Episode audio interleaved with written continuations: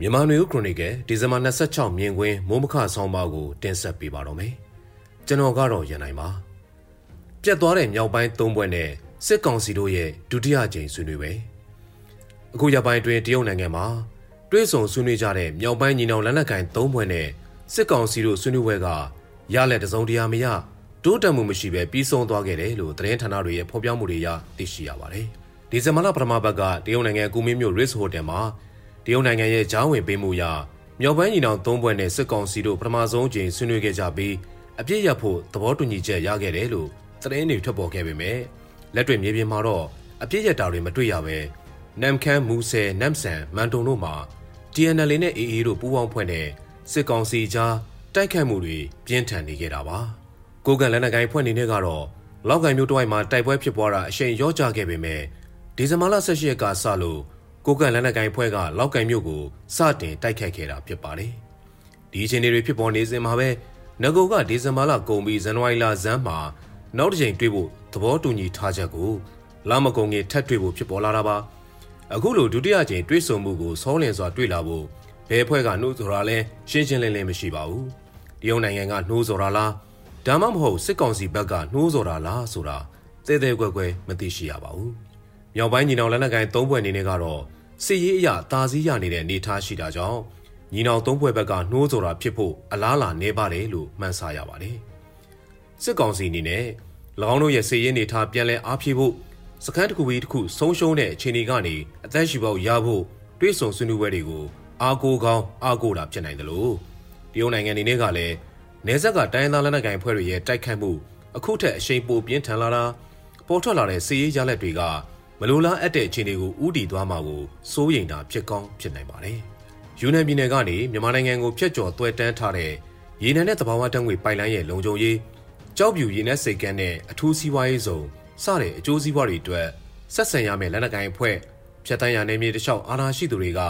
ဘယ်သူတွေဖြစ်လာမလဲစတဲ့အချက်တွေကတရုတ်နိုင်ငံကဦးစားပေးထဲသွင်းစဉ်းစားတဲ့အချက်လက်တွေဖြစ်လိမ့်မယ်လို့မှန်းဆရပါတယ်။ဒီနေသားတွေကအခုဒုတိယကြိမ်ဆွေးနွေးပွဲ ပေါ်ထွက်လာစေတဲ့အကြောင်းတရားတွေဖြစ်နိုင်ပြီးဆွေးနွေးပွဲကနေလက်နက်ကိုင်တိုက်ပွဲတွေအရှင်ရောသွားဖို့တရုတ်နဲ့စစ်ကောင်စီတို့ကြိုးပမ်းတယ်လို့ခန့်မှန်းရတာဖြစ်ပါတယ်။ဒီဇင်ဘာလ22ရက်နေ့ကနေ24ရက်နေ့ထိ3ရက်ကြာဆွေးနွေးပွဲမှာ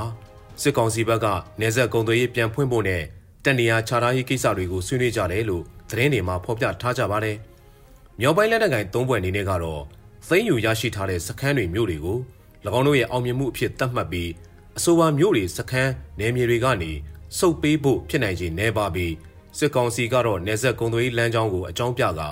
မြောက်ပိုင်းသုံးဘွဲ့ကို၎င်းတို့ထိန်းချုပ်ထားတဲ့လမ်းကြောင်းတွေ